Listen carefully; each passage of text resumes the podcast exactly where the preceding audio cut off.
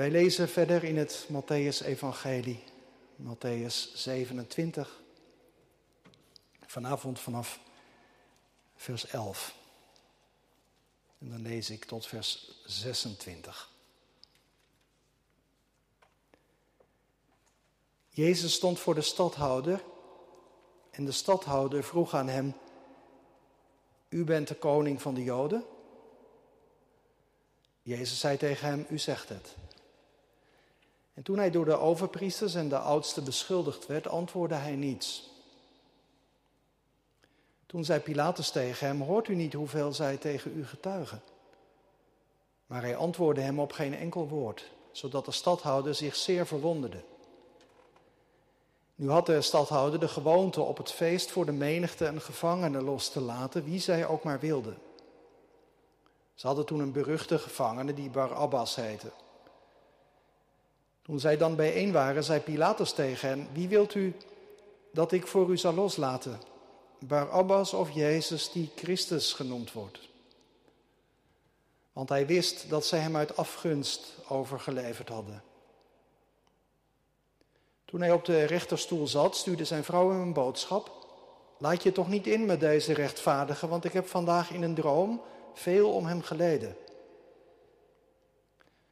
De overpriesters en de oudsten haalden menigte, de menigte over dat zij om Barabbas zouden vragen en Jezus zouden ombrengen. De stadhouder antwoordde hun en zei: Wie van deze twee wilt u dat ik voor u zal loslaten? Zij zeiden Barabbas. Pilatus zei tegen hen: Wat zal ik dan doen met Jezus, die Christus genoemd wordt? Zij zeiden alle tegen hem: Laat hem gekruisigd worden.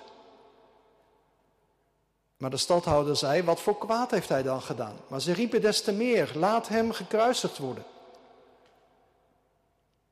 Toen Pilatus zag dat hij niets bereikte, maar dat er veel eer opschudding ontstond, nam hij water, waste zijn handen voor de ogen van de menigte en zei: Ik ben onschuldig aan het bloed van deze rechtvaardige. U moet maar zien. En heel het volk antwoordde en zei: Laat zijn bloed maar komen over ons en over onze kinderen. Toen liet hij Barabbas voor hen los, maar nadat hij Jezus gegezeld had, gaf hij hem over om gekruisigd te worden. Tot zover de lezing uit de Bijbel. Dit zijn de woorden van God. Broeders en zusters, gemeente van Christus. Handen wassen. Wij doen het in deze dagen meer dan ooit. Je wilt tenslotte niet besmet raken en voorkomen dat je een ander besmet. Midden in de geschiedenis van het lijden van Christus is er ook iemand die zijn handen wast. Pilatus. Hij wast zijn handen en spreekt er ook een verklaring bij uit. Ik ben onschuldig aan het bloed van deze rechtvaardige. Pilatus, hij wast zijn handen in onschuld. Wat is de achtergrond van dat gebaar? Waar komt dat vandaan? Nou, helemaal zeker is dat niet, maar veel uitleggers noemen een passage uit Deuteronomium 21. Daar wordt de situatie beschreven dat een dode gevonden wordt. Iemand die is vermoord, maar niemand weet wie het gedaan heeft. Als dat lichaam wordt ontdekt, dan moest eerst worden vastgesteld welke stad het dichtste bij het lichaam lag. En vervolgens worden de priesters en de oudsten van die stad bij elkaar geroepen. En staat er dan in Deuteronomium 21, ze moeten dan een offer brengen. Een offer van een jonge koe. Er moet, met andere woorden, bloed vloeien. En staande bij die koe wassen ze hun handen. Ze wassen hun handen en leggen een verklaring af. Ze zeggen, onze ogen hebben dit bloed, onze handen hebben dit bloed niet vergoten en onze ogen hebben het niet gezien. Ze verklaren zich onschuldig. En ze bidden tegelijk ook tot God, doe verzoening over uw volk Israël, dat u, Heere, verlost hebt. Of Pilatus dit voorschrift uit de Torah gekend heeft, dat weten we natuurlijk niet. In ieder geval was het kennelijk, ook in de dagen waarin Jezus leefde, een bekend gebaar geworden. Je handen wassen als teken dat je je distancieert van wat er gebeurd is. Je neemt geen verantwoordelijkheid, je hebt er niets mee te maken. Met die woorden uit Deuteronomium 21. Mijn handen hebben het niet gedaan, mijn ogen hebben het niet gezien. Ik ben onschuldig. Als je dat toepast op Pilatus, dan besef je wel dat dat voor hem een belachelijke uitspraak is. Pilatus die er niets mee te maken heeft, heeft er alles mee te maken. Als iemand er iets aan kon doen, dan hij. Als je die die wij samen lazen nog eens op je laat inwerken, dan kom je erachter wat een schijnvertoning vertoning, dat hele proces van Jezus eigenlijk is. Dat begint al met dat dubbeltal dat Pilatus heeft laten opstellen, Jezus tegenover Barabbas. Opeens had Pilatus het zich herinnerd als een soort escape. Oh ja, met het paasfeest werd altijd een gevangene vrijgelaten. Mooi. Dat geeft mij nog een kans om van Jezus af te komen. Alleen, dat moest wel een veroordeelde zijn, een gevangene. Maar Jezus is nog helemaal niet veroordeeld. Met andere woorden, hij komt helemaal niet in aanmerking om op dat tweetal terecht te komen. Pilatus wordt gevraagd om recht te spreken. Maar daar komt weinig van terecht, zeker. Hij heeft een zekere sympathie voor Jezus. Bovendien, zijn vrouw had hem ook gewaarschuwd. Laat je niet in met deze rechtvaardige, maar de mening van het volk die weegt veel zwaarder voor Pilatus. Wie moet ik vrijlaten, vraagt Pilatus aan het volk. En de mensen schreeuwen Barabbas. In de Matthäus Passion gaat die roep door merg en been. Het klinkt als een donderslag. Barabbam! Je moet het maar eens naluisteren. Hij moet worden vrijgelaten. Dat is verschrikkelijk. De mensen, ze kiezen massaal voor een moordenaar. En zeker, je merkt dat Pilatus nog probeert te redden wat er te redden valt. Hij vraagt, en Jezus dan? Wat moet ik met hem doen? Maar in één moeite door komt het eruit, hij moet gekruisigd worden. En Pilatus dan, wat heeft hij dan voor kwaads gedaan? Maar hij kan zich, stel ik me zo voor, al bijna niet meer verstaanbaar maken. En in blinde woede schreeuwt het volk, hij moet gekruisigd worden. En dan wast Pilatus zijn handen. Ik ben onschuldig onschuldig aan het bloed van deze rechtvaardige, zegt hij nota bene. Hij noemt Jezus een rechtvaardige, iemand in wie hij geen schuld vindt. Maar hij heeft ook niet het lef om Jezus vrij te laten. U moet maar zien, zegt hij.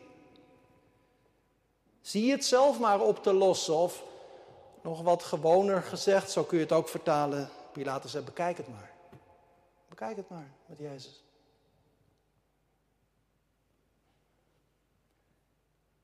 In het proces van Jezus gaat eigenlijk alles mis. Een oneerlijk proces. Een rechter die zijn verantwoordelijkheid niet neemt. Een menigte die zich laat ophitsen. En dat alles ten koste van die ene man, die onschuldige Jezus.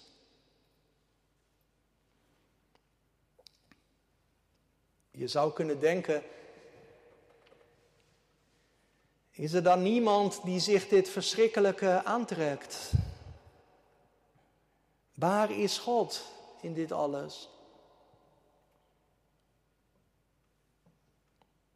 Maar dat is nu precies het wonderlijke in het Leidensevangelie. Want juist hier is God. Hij is aanwezig. In die enige die niets zegt. Die slachtoffer is. Hier is hij te vinden. Want hij weet het wel. Hoe moeilijk het ons valt om schuld te beleiden. Hij weet het wel hoe makkelijk wij ons laten beïnvloeden. Hij weet van ons afschuiven van verantwoordelijkheid. Hij weet hoe vaak we aan Hem voorbij leven. Heden Hosanna, morgen kruisig Hem. Ja, deze God, Hij komt daar middenin. In deze verschrikkelijke wereld. Hij komt er middenin, Hij, de enige die onschuldig is. Hij laat het allemaal aan zich gebeuren. Hij trekt het naar zich toe. En dan wordt ook wel duidelijk in het vervolg van het Leidensevangelie dat het zonder bloed niet zal gaan. Net zoals in die passage uit het boek Deuteronomie. Er moet een offer worden gebracht. En zo gebeurt het. Pilatus zegt, bekijken jullie het maar. Maar de menigte die heeft er vervolgens geen enkele moeite mee om de verantwoordelijkheid op zich te nemen. Als één uit één mond schreeuwen ze, zijn bloed komen over ons en over onze kinderen. Het volk is er vast van overtuigd geraakt dat de dood van Jezus een goede zaak is. Daar is geen twijfel over mogelijk. Ze zijn daar zo zeker van dat ze er zelfs hun eigen leven voor in de waagschaal durven stellen. Zelfs voor hun kinderen steken ze daarvoor de hand in het vuur. Zijn bloed komen over ons en onze kinderen, zeggen ze glashard. We accepteren de gevolgen, betekent dat eigenlijk. Wij zijn aansprakelijk. Misschien weet u dat deze schreeuw heel veel onheil teweeg heeft gebracht in de geschiedenis. In de loop van deze eeuwen is deze tekst juist door christenen ernstig misbruikt. misbruikt voor de vervolging van het Joodse volk. Hadden ze maar niet moeten roepen om de dood van Christus. Dat is verschrikkelijk als je deze tekst op die manier misbruikt. Het bloed van Jezus hoeft niet gewroken te worden aan zijn volk. De Bijbel leert ons juist iets heel anders over het bloed van Christus. Een korte tijd later wordt er in Jeruzalem een toespraak gehouden. Een paar weken later, als het Pinksterfeest gevierd wordt. En dan is daar Petrus en die zegt tegen de mensen die bij elkaar gekomen zijn het volgende. U hebt de heilige en rechtvaardige verlogend. Dan gaat het over Jezus. U hebt hem verlogend en gevraagd dat een moordenaar zou worden vrijgelaten. Maar de vorst van het leven hebt u gedood. Ik weet dat u het door onwetendheid gedaan hebt zoals ook uw leiders. Petrus bedoelt jullie, jullie hadden niet door waar je mee bezig was. Je liet je zomaar ook meeslepen door wat je werd ingefluisterd. Je liet je gaan in massahysterie. En bovendien, ja, dat is het bijzondere van het evangelie. Petrus zegt, door dit alles heen heeft God zijn plan doorgezet. Handelingen 3, vers 18. God heeft op die manier vervuld wat hij door de mond van zijn profeten verkondigd had, dat Christus zou lijden. Ik, ik denk eigenlijk dat Petrus inwendig een beetje moest glimlachen toen hij dat zei. En dat hij gedacht heeft, wat gaat God wonderlijke wegen in deze wereld? Ja, jullie verwierpen Jezus, dat was jullie zonde.